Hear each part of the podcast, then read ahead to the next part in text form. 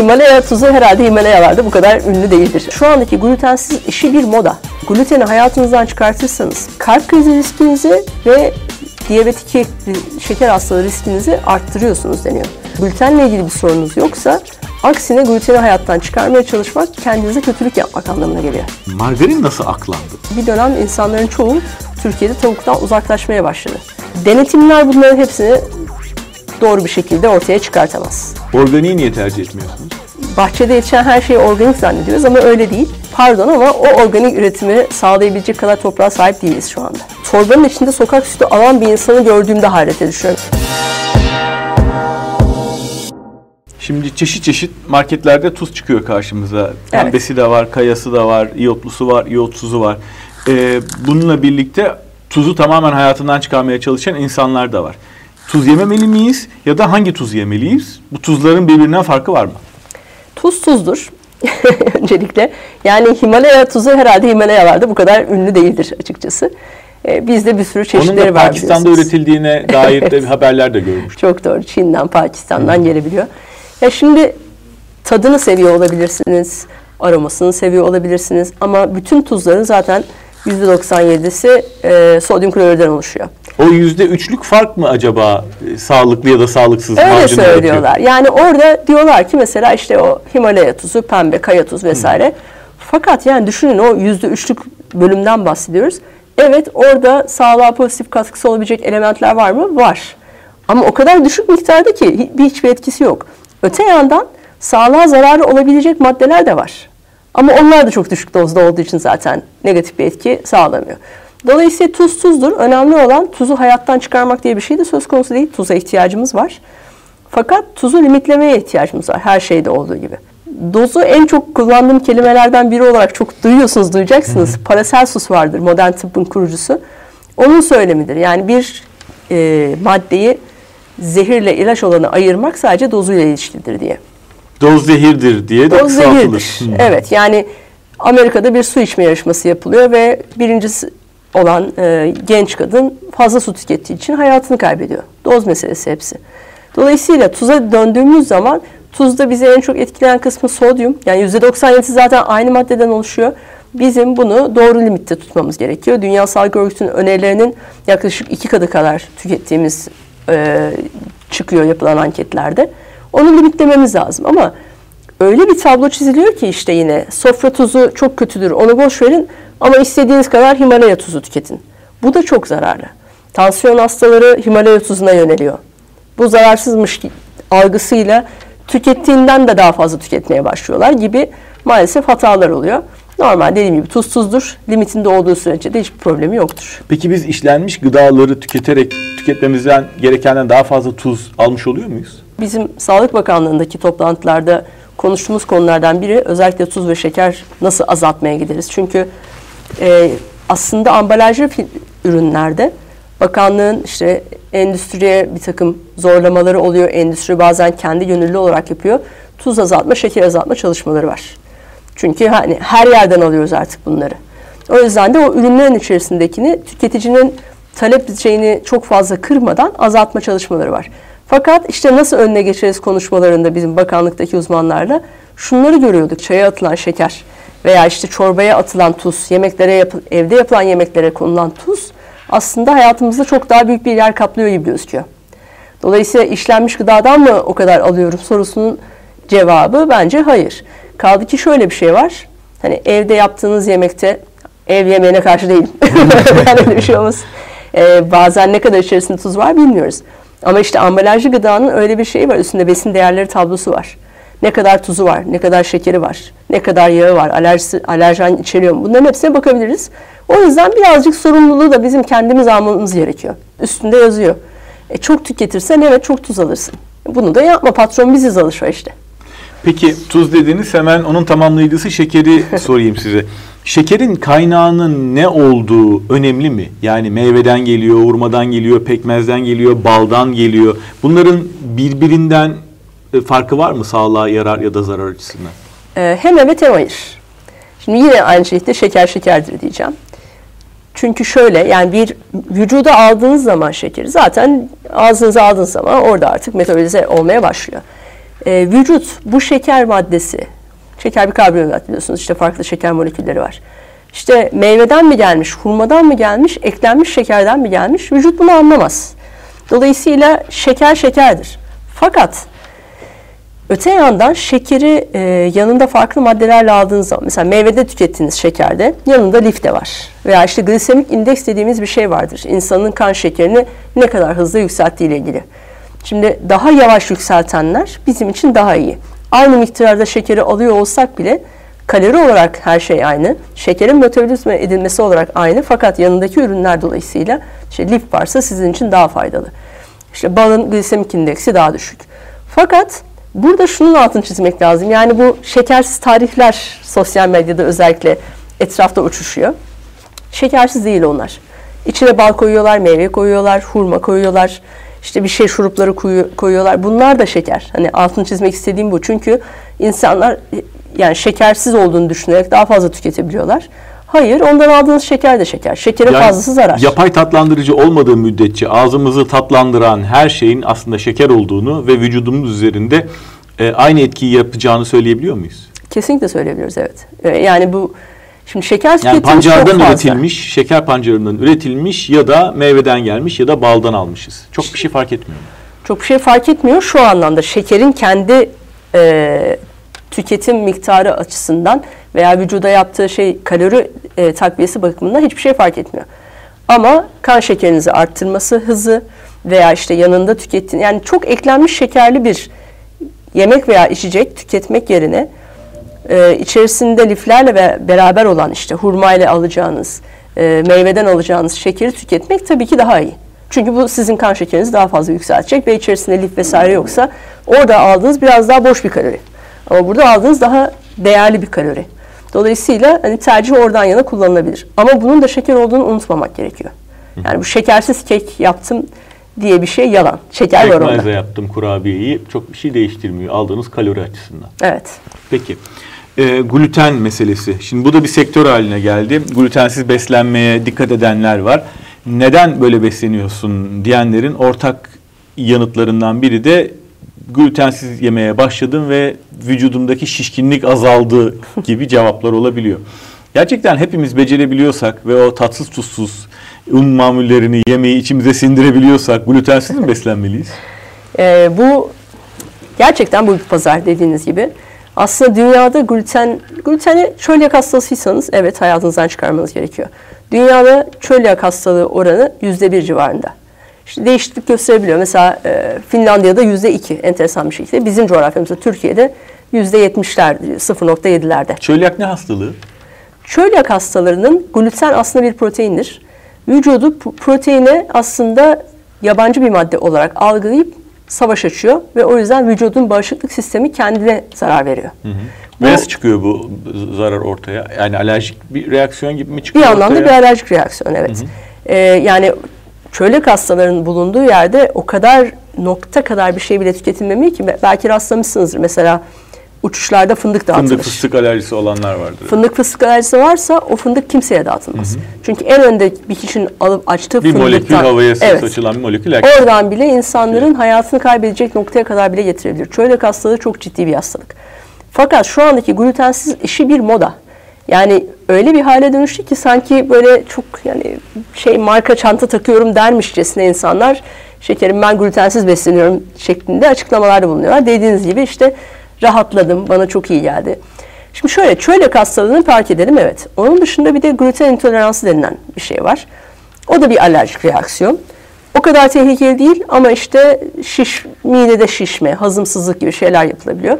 Bu alerjilerin ortaya çıkması lazım. Yani onu e, gidip doktorla, diyetisyenle yapılan testlerle beraber ortaya çıkarmak gerekiyor ki böyle bir şeyiniz varsa evet glutenden hayatınızdan olabildiğince uzaklaştırmanız lazım. Çölyakta tamamen çıkarmanız lazım.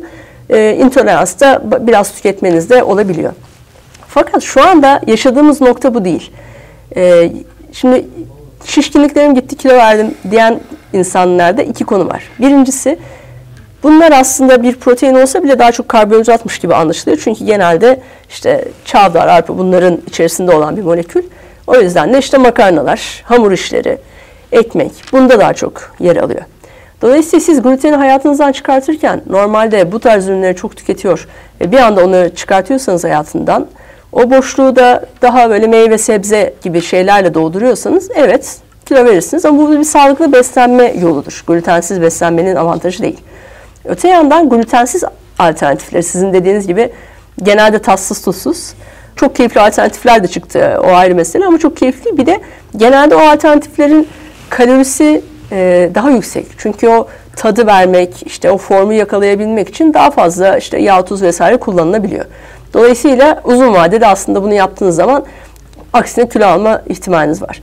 Fakat bunu da park edelim kenara. Hadi o da olmasın. Asıl sorun şu ki bu konuda yapılmış çok netim yani bu konuda. Çünkü bilim dünyası çok net. Ee, en son 2017'de yayınlanan bir şey var makale. 25 yıl boyunca 110 bin kişiden fazla insan inceleniyor. İnsan deneyleri gıdalarda çok zordur. Bunu incelemeler bayağı zordur ama burada böyle bir e, şey de var. Örnek de var. Ve sonucunda şunu söylüyorlar. Gluteni hayatınızdan çıkartırsanız buna karşı bir sorununuz yoksa aksine e, kalp krizi riskinizi ve diyabet 2 şeker hastalığı riskinizi arttırıyorsunuz deniyor. Çünkü gluteni hayattan çıkarmak demek tahılları hayatından çıkarmak demek. Ve e, yine başka yapılan bir araştırmada da dünyada insanların sağlık sorunlarındaki bir numaralı şey bir şeyin fazlalığı değil tahıl eksikliği mesela. O yüzden de eğer glutenle ilgili bir sorunuz yoksa aksine gluteni hayattan çıkarmaya çalışmak kendinize kötülük yapmak anlamına geliyor. Şimdi sizin kitabınızı okurken bir bilgi boşluğumu doldurdum ee, ve e, margarinlerle ilgili sürecin nasıl tamamlandığını ya da şu ana kadar olan sürecin nasıl geçtiğini e, öğrenmiş oldum. Margarin benim mutfağıma çok giren bir şey, hiç giren bir şey değil. Çocuklukta da çok fazla giren bir şey değildi. Margarinin trans yağlarla ilgili bu kadar bilinçlenmeden sonra nasıl raflarda olabildiğini hayret ediyordum. Kitabınızda o bölümü okuyunca aydınlandım. Ee, biraz bahseder misiniz? Margarin nasıl aklandı? ya Türkiye'de margarin konuşmak zor bir şey bir kere. Nedense yani neden değil işte aslında biraz trans yağdan ama hikayesini anlatacağım. Margarine karşı çok ciddi bir ön yargı var. Şeyde böyle değildir. Yani mesela e, gelişmiş bir Batı Avrupa ülkesine gittiğinizde önünüze zeytinyağı gelir yemekten önce. Margarin de gelir. İşte Hollanda'da, Danimarka'da çok ünlüdür. Gayet de öyle pozitif karşılanan bir üründür. Bir de şu anda bitkisel gıdaya yönelim çok arttığı için margarin aslında tereyağın bitkisel alternatifi olarak e, Napolyon'un açtığı bir yarışmada birincilik sahibi olarak çıkan bir ürün Askerleri aslında. Askerleri beslemek için evet. icat edilmiş bir şey değil mi? Evet. Yani o dönemde e, Fransız hükümdarı hem halkı hem askerleri e, beslemek için bir yağ çeşidi arıyor. Ve yapılan bir şeyde de yarışmanın sonucunda da margarin ürünü aslında. Tereyağının yerini alacak bir ürün olarak. Tabii o dönemde işte don yağı var, hayvansal yağlar var. Farklı yağlar olmadığı için. O dönemde zaten biraz hayvansal bitkisel yağ karışımlarıyla suyu karıştırarak yapılan bir ürün. Ama Türkiye'de hep bitkisel oldu yüzde yüz. Ve adı da şeyden gelir. Yani bunu yapan kimyager işte kimyager dedim ya şimdi yine korkutucu bir şeymiş. ee, içerisinde böyle e, inci taneleri gibi yapıların oluştuğunu görür. Çünkü su ile yağın birleşmesiyle oluşan bir ürün margarin. Ve ona da işte inci aslında Latince'de e, çok benzer bir adı var. E, margarine diye. Oradan margarin adı da aslında inci tanesinden gelir. Böyle güzel de bir hikayesi vardır. Neyse şeye gelecek olursak aslında margarin bir dönem hem dünyada hem Türkiye'de çok e, ünlü ve tercih edilen bir yağ çeşidiydi. Fakat daha sonra trans yağ konusu ortaya çıktı. Aslında trans yağ dediğimiz bir doymamış yağ çeşidi. Ve doymamış yağlara karşı daha sempatimiz yüksektir. Eskiden bunun bir risk yarattığı bilinmiyordu. Ta ki 1993'te Harvard'da bir bilim adamı vardır. Ee, ki hala çok dünyanın gıda sektöründeki, gıda alanındaki daha doğrusu en etkin bilim insanıdır. Eat Lancet Komisyonu'nun başkanı Dr. Willett. Ee, onun bir makalesiyle trans yağların kardiyovasküler riski %18 civarında arttırabildiği ortaya çıkıyor. Ve bundan sonra dönüşüm başlıyor bütün dünyada. Biz bu trans yağı nasıl çıkartırız? Şimdi trans yağ aslında iki çeşit trans yağ var. Birisi endüstriyel trans yağ ki margarinin içerisinde olan endüstriyel trans yağydı. Bu aslında yağın katılaştırılması sırasında yapılan bir e, uygulama dolayısıyla istenmeden oluşan bir yan üründü aslında. Ama dediğim gibi riskli olduğu bilinmediği için hiç kimse bununla ilgili bir şey yapmıyordu. Trans yağın riskli olduğu ortaya çıkınca bu sistem terk edildi. Ee, bir sürü ARGE çalışmaları yapıldı ve ardından yatırımlar yapıldı. şaşırtıcı olup da çok kabul etmediğimiz bir şey var. Dünyada biz genelde Türkiye olarak birçok konuda geriden gittiğimiz şeyler çok oluyor. Fakat Türkiye'nin burada bir başarı hikayesi var. Ve yani biz bunu gidip mesela Avrupa'da bir case study olarak e, anlattık. Başka yerlerde anlattık ama Türkiye'de anlatınca çok kabul görmüyor açıkçası. Neyi başardı Türkiye? Türkiye'de tabii orada da şöyle bir avantaj vardı. Ee, az sayıda firmanın ürettiği bir üründü bu. Ve bu iki büyük firma, birkaç büyük firma bir araya geldiler. El sıkıştılar. Gönüllü olarak transfer prosesini ortadan kaldırdılar. Yatırımlar yapıldı vesaire. Bu 2000'li yılların başında başladı. Ve artık dönem dönem işte onlar kontrolleri yapıldı vesaire. 2007'den itibaren Türkiye'deki bütün margarinlerin trans yavrunu %1'in altına düşürüldü. %2 güvenli seviyedir. Bütün dünyada uygulanan yasalarda. Yani trans olmadan da içinde margarin üretilebiliyor muymuş? Tabii tabii çünkü o yöntemi çıkartıyorsunuz. Onun yerine başka bir yöntem Bu malzemeyle ilgili değil, Hayır, üretim yöntemle. aşamasındaki bir, bir süreç, Evet, bir aşamayla ilgili. hidrojenasyon denilen bir süreç. Onu artık kullanmıyor üreticiler. O yüzden de böyle bir şey olmuyor. Daha maliyetli içinde bir ne şey. var peki? Bitkisel yağların karışımı ve su. Bitkisel yağ, su karışımı. Mesela Ve, ne tür bitkisel yağlar? e, bu dönemine göre değişiyor. Çünkü bu bir formüle ürün ve ihtiyacı göre değişiyor. Aslında sofra margarini bizim tanıdığımız bir ürünü. Ama ev dışında yapılan margarinlerin çok farklı çeşitleri var. Çünkü işte bir tanesi kıyır kıyırlığı daha iyi yapacak. İşte o üretilende. Birisi işte e, çikolata barda mesela çabuk donacak, ağızda çabuk eriyecek. Bunların hepsinin fonksiyonunu veren margarinler var. Dolayısıyla yağ çeşitleri ve oranları bu ihtiyaçlara göre farklı bir şekilde kullanılıyor. Ne var derseniz işte pamuk yağı konulur, ayçiçek yağı konulabilir, e, palm yağı konulabilir. Sular bunları bir arada tutacak emülgatör dediğimiz yağlı su birbirine karışmaz çünkü. O tarz maddeler var. Gerek olursa aroma vericiler kullanılabiliyor. Süt tozu kullanılıyor. E, genelde yağsız süt tozu kullanılır çünkü hayvansal yağın olmaması istenir. Ama belli bir miktarda da hayvansal yağ içermek iste- isteniyorsa ürünün üzerine yazılacak şekilde de normal süt veya hayvansal yağ da konulabiliyor. Trans yağ gelince hikaye şunu hani Türk olarak anlatmayı çok önemsiyorum. Çünkü 2007'den itibaren bizde bu şey var ama dünyadaki örnekte dünyada bunu bir numara yapan Danimarka'dır. Ee, 2003 yılında %2 yasal düzenlemesini getirmiştir. İkincisi Avustralya'dır. Avustralya'daki gönüllü bir uygulama. Avustralya Kalp Vakfı diyor ki e, margarinlerinde veya gıdalarında trans yağ oranı %1'in altındaysan bizim bir tik işaretimiz var onu kullanabilirsin diyorlar. Ve e, buna en çok uyan orada da margarinciler oluyor. E, o tik işaretini kullanmak amacıyla herkes %1'in altına çıkıyor. Üçüncü örnek Türkiye. Ve Türkiye'de de bir sektör derneğinin aslında çatısı altında bu iş oluyor. Bizde de acaba o zaman e, tanımıyorum ben onları ama oradan mı esinlenildi bilmiyorum. Bizde de transfer yoktur logosu bir tiktir. E, görmüşsünüzdür belki. 2007 yılından beri bu şekilde ve Amerika'da FDA'nin bununla ilgili yasa yayınlaması e, 2018 yılında, Kanada 2019 yılında, Avrupa Birliği'nde işte farklı ülkelerin vardı ama Avrupa Birliği'nin kendi yasasını koyması 2023'te yürürlüğe geçti. Biz Avrupa Birliği tamamen uyumlu olduğumuz için de bizim yasamız da 2023'te yürürlüğe girdi. Ama 2007'den beri gönüllü bir uygulamayla aslında böyle bir başarı hikayesi de var. Peki bizim beslenmede dikkat ettiğimiz ya da etmeye başladığımız konulardan bir tanesi de doymuş yağ, doymamış yağ meselesi. Burada doğru bildiğimiz yanlışlar var mı? Var. Hatta kitaplarda bile var. Yani ben çok şaşırıyorum. Gerçekten fen kitaplarında bile rastlayabiliyoruz. Çünkü şöyle bir algı var. Doymuş yağ eşittir katı yağ, doymamış yağ eşittir sıvı yağ. Yani tereyağıyla zeytinyağını mı karşılaştırıyoruz biz kabaca baktığımız Evet, zaman? evet. Yani diyoruz ki zeytinyağı doymamış yağ, tereyağı doymuş yağ. O yüzden biz onu değil sıvı olanı tercih edelim. Evet, şimdi doymamış yağın daha yüksek tüketilmesi evet daha avantajlı kesinlikle. Ee, ama doymuş yağı tamamen hayattan çıkarmaya gerek olmuyor. Aslında orada böyle tekli doymamış var, çoklu doymamış ve doymuş yağ diye üç tane yağ çeşidi var. Bunları yüzde on-on şeklinde bir e, dağılımla tüketmek gerekir gibi bir yaklaşım var. Toplam enerjimizin yaklaşık yüzde otuzunu yağdan almalıyız denir. Burada dikkat edilmesi gereken şu, bütün yağların içerisinde katı yağ var, şey doymuş yağ var. Ee, mesela insanlar zeytinyağı bu arada tabii ki yağların bir numarası en güzel yağdır. Zeytinyağının içerisinde 100 gramında 14 gram civarında doymuş yağ vardır.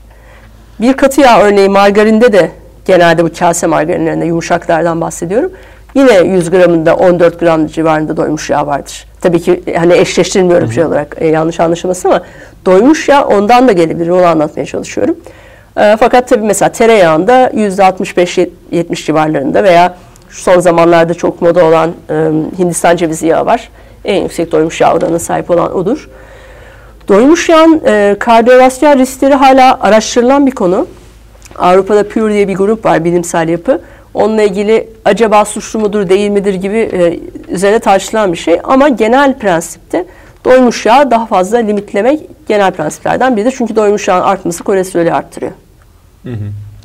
Peki bir de e, beyaz et yani tavuk tüketimi çok arttı. Türkiye'de de dünyada da.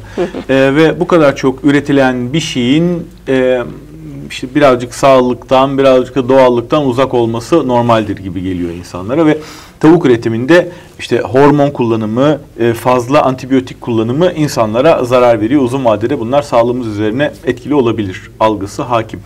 Ama kitabınıza bakınca görüyorum ki e, hormon kullanımı da antibiyotik kullanımı da hurafeden ibaret diyorsunuz.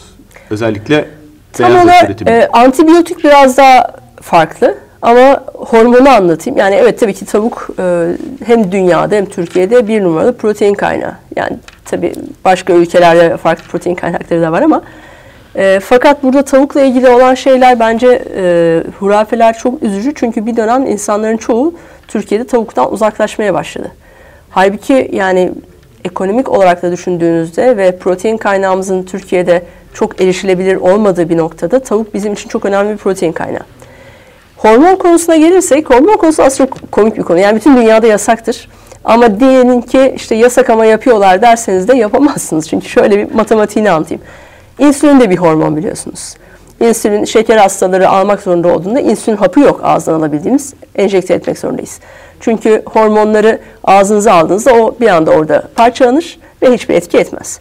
O yüzden de hayvanların yemine hormon koyarsanız bu sadece e, üretiminizi daha pahalı mal etmenize neden olur. İsraf olur. Hiçbir anlamı yok.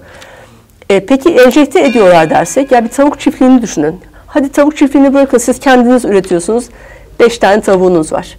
Her gün günde en az iki defa her birini tek tek alıp yakalayıp enjekte edeceksiniz o hormonu. Ancak böyle e, bir fayda sağlayabilirsiniz. Kaldı ki hormon dediğiniz şey pahalı bir şey. Yani zaten hani diyelim ki deli işi ama yaptı ama zaten hani o tavuğu satamaz. Zaten yani tavuktan daha pahalıya mal olur yaptığı her iş. Dolayısıyla hiçbir anlamı yok. Böyle bir şey yok. Örneğine de rastlanmış değil açıkçası. Antibiyotik işi biraz daha sorunlu bir iş. Çünkü hayvanlarda hastalıkları tedavi etmek nedeniyle hayvanına göre doğru antibiyotik türleri kullanılması gerekiyor. Buna izin veriliyor doğal olarak. İşte onu ziraat mühendislerinin doğru bir şekilde reçet etmesi lazım. Fakat kullanıldıktan sonra bir güvenlik dönemi vardır. Onun kandan, vücuttan e, yani hayvanın bedeninden atılması için bir süre beklenmesi gerekiyor.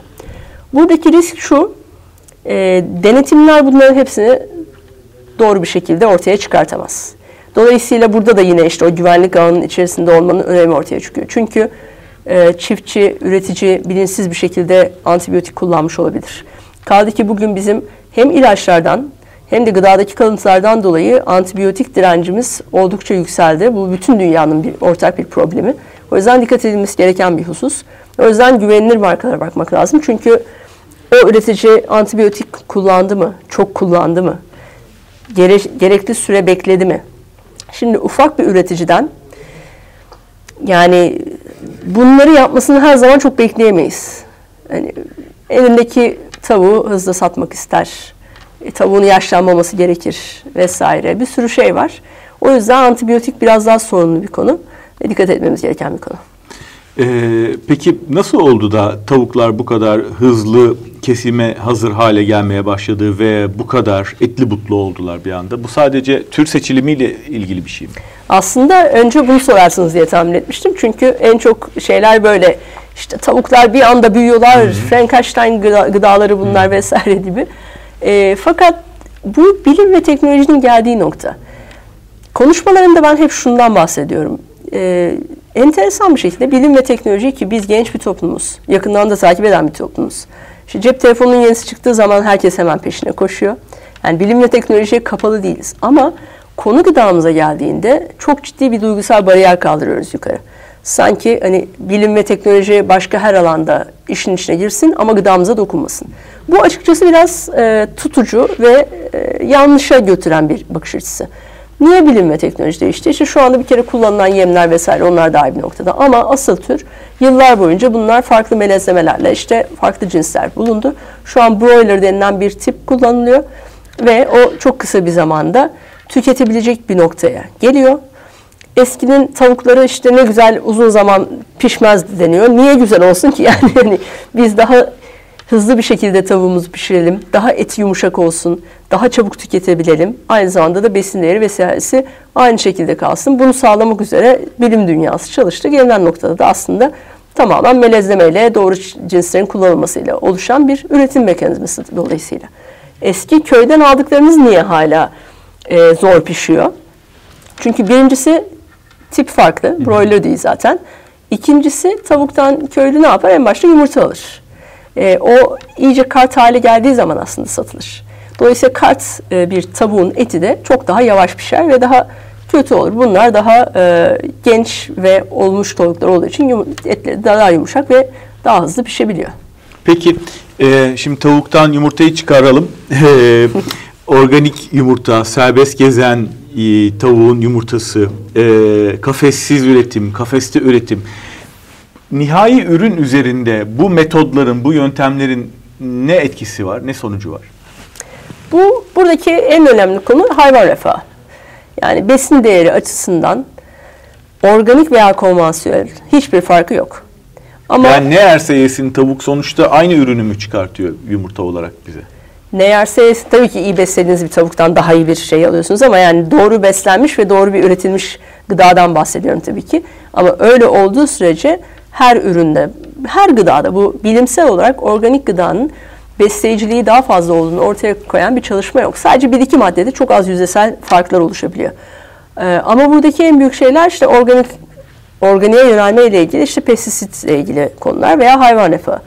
Yumurtaya geldiğimiz zaman bir kere köy yumurtası vesaire demek yasaklandı. Çünkü bu bir tüketiciyi aldatma şeydi. Ama dört tane çeşit üretim var. Bunlar da yumurtanın üzerindeki rakamların ilk rakamı zaten onu belirter. Birisi sıfır olan organiktir. Ee, bir kafessiz, o etrafta gezebilir. Hı hı. Fakat bunların da mesela e, makalelere baktığınız zaman bu defada kontrolsüz bir ortamda farklı riskleri olabilir mi? Ee, olayları ortaya çıkıyor. Çünkü kafessiz bir ortamda dolaşırken de dışarıdan alabileceği veya işte toprak altı suyu iyi değilse oradan alabileceği bir takım negatifler var. Bir diğeri kafes içerisinde ama e, ufak bölmeleri olmayan bir ortamda üretilen. En sonunda işte en çok konvansiyonel olan dört numarada aslında işte çok ufak e, kafeslerde hep beraber üretilen tavuklar ve bunların yumurtaları. E, burada dediğim gibi en önemlisi hayvan refahı söz konusu oluyor. Benim seçimimi sorarsanız ben organikten yana seçimimi kullanmıyorum. E, ama işte serbest gezen olursa daha çok tercih edebiliyorum. O da e, üretim açısından. Organiği niye tercih etmiyorsunuz? Çünkü e, yani organiğin daha besleyici olduğunu gösteren bir şey zaten yok. Hı hı. Organikte de örneğin işte pestisitten kaçanlar insan aslında genelde organiğe yöneliyorlar. Ve şunu zannediyorlar, organik üretimde pestisit kullanılmıyor. Hayır, organik üretimde de pestisit kullanılıyor. Farkı organik pestisit kullanılıyor. Ama bunun daha az zehirleyici etkisi olduğunu gösteren bir şey olmadığı gibi e, doğal ve organik şeyler aslında daha da etkili olabiliyorlar. O yüzden de hani ben bunların hani dört katı fazla fiyat vererek aynı besleyicilikte bir ürünü almayı çok e, mantıklı bulmuyorum. Öte yandan denildiği ürünlerin çoğu da organik değil. Şimdi kaç kişi organik sertifikasını soruyor acaba? Çünkü bu sertifikalandırılmayla yapılan bir sistem. Ee, bahçede yetişen her şeyi organik zannediyoruz ama öyle değil. Ve gördüğümüz örnekler var. Yani alıyor birisi bakkaldan şeyi yumurtayı. Üzerine biraz pisletiyor. Yanına iki tane tüy koyuyor. Organik olarak dört katına satıyor. Saman koyuyor biraz. evet. Yani bunlar duygularımıza hitap eden romantik yaklaşımlar. Artı üzgünüm ama organik üretimi yapmak için e, sadece sizin o toprakta yapmanız değil, toprak altı suyu kontrol edilecek. Orada işte daha önce konvansiyonel üretim yapılmayacak. Yan çiftliğinizde olmayacak öyle bir şey vesaire. Yüzlerce şartı var. Bu şartları sağlayabilecek toprak da oldukça az.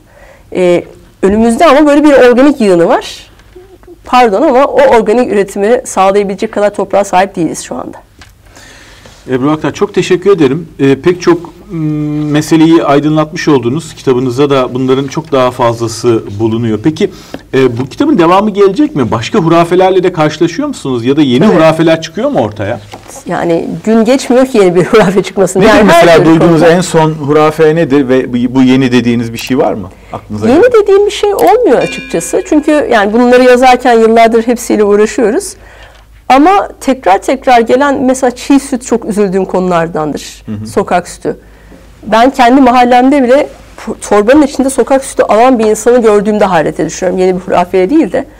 Yani hep soğuk zincirde olması gereken o sütü böyle çarpık çırpık bir araba içerisinde bir poşete koyarak alıp onu evde sevdiklerine yedirenleri gördüğüm zaman dehşete düşüyorum ve şaşırıyorum. Hala şaşırdığım noktalar bunlar. Ee, meslektaşlarımızın aslında veya diğer meslekteki uzmanların kadar basit konuları bu kadar komplike hale getirmeleri hala beni çok şaşırtıyor. Ee, daha bir sürü hurafe var tabii ki. Ben bu kadarını şimdilik yazabildim. İkinci kitapta hurafelerin devamı değil de başka aslında iki kitap daha var kafamda. Birisi çocuklara yönelik yazmak istiyorum. Çünkü aslında bizdeki eksik yani ben hep böyle şey suçlar gibi oldum insanlara ama biz bilmeliyiz. Patron biziz vesaire. Fakat şöyle bir gerçek de var. Biz bunun eğitimini almıyoruz. Yani tüketici çok haklı kafa karışıklığında. Benim mesleğim olduğu için ben bunları biliyorum veya ilgilendiğim için. Evet okuyup bulabilirsiniz de doğrularını ama hangi konuda biz bu kadar deşip bulacağız? O yüzden de gıda ve beslenme alanının aslında ilk öğretim çağından itibaren müfredatta olması gerektiğini savunuyorum. Yani herkes de o kadar suçlu değil. Sadece biraz daha doğrularına bakmak lazım. Çok teşekkür ederim. Çok sağ olun. Ben çok teşekkür ederim.